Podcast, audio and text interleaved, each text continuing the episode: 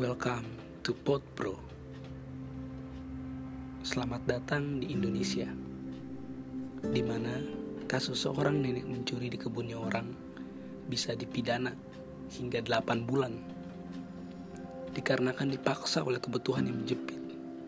Setara loh dengan kasus terencana seorang oknum polisi yang melakukan penyiraman air keras yang terangsur-angsur kasusnya selama tiga tahun dan hanya dituntut satu tahun dengan alasan tidak sengaja.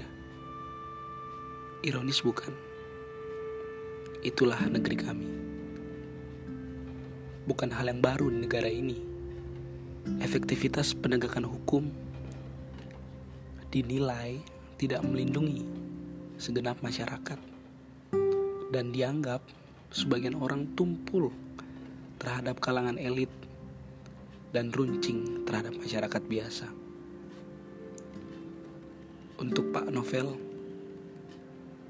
saya Brendan Broderi Kuliah Putih, seorang mahasiswa biasa. Salut dengan hati kasih Bapak dengan mengampuni mereka yang telah menganiaya Bapak. Semoga saja di podcast ini para pendengar dapat dan sama-sama akan melihat wajah hukum yang adil di negeri tercinta Indonesia ini. Sekian pot bro episode ketiga.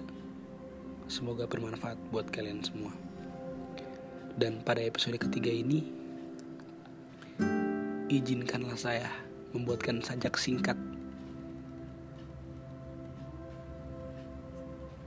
Ibu Pertiwi. Anakmu menangis karena saling menyakiti. Mereka membunuh satu dengan yang lain karena harta duniawi. Hukum di negeri ini sudah tak ada artinya lagi. Karena para penegak laksana sedang stand up komedi. Ibu Pertiwi maafkan kami. Egois masih bertahta iri. Bercinta dengan hawa nafsu sehingga lupa diri. Ketidaksengajaan dapat dijadikan alasan untuk membela pribadi. Dari salah satu anakmu, Maluku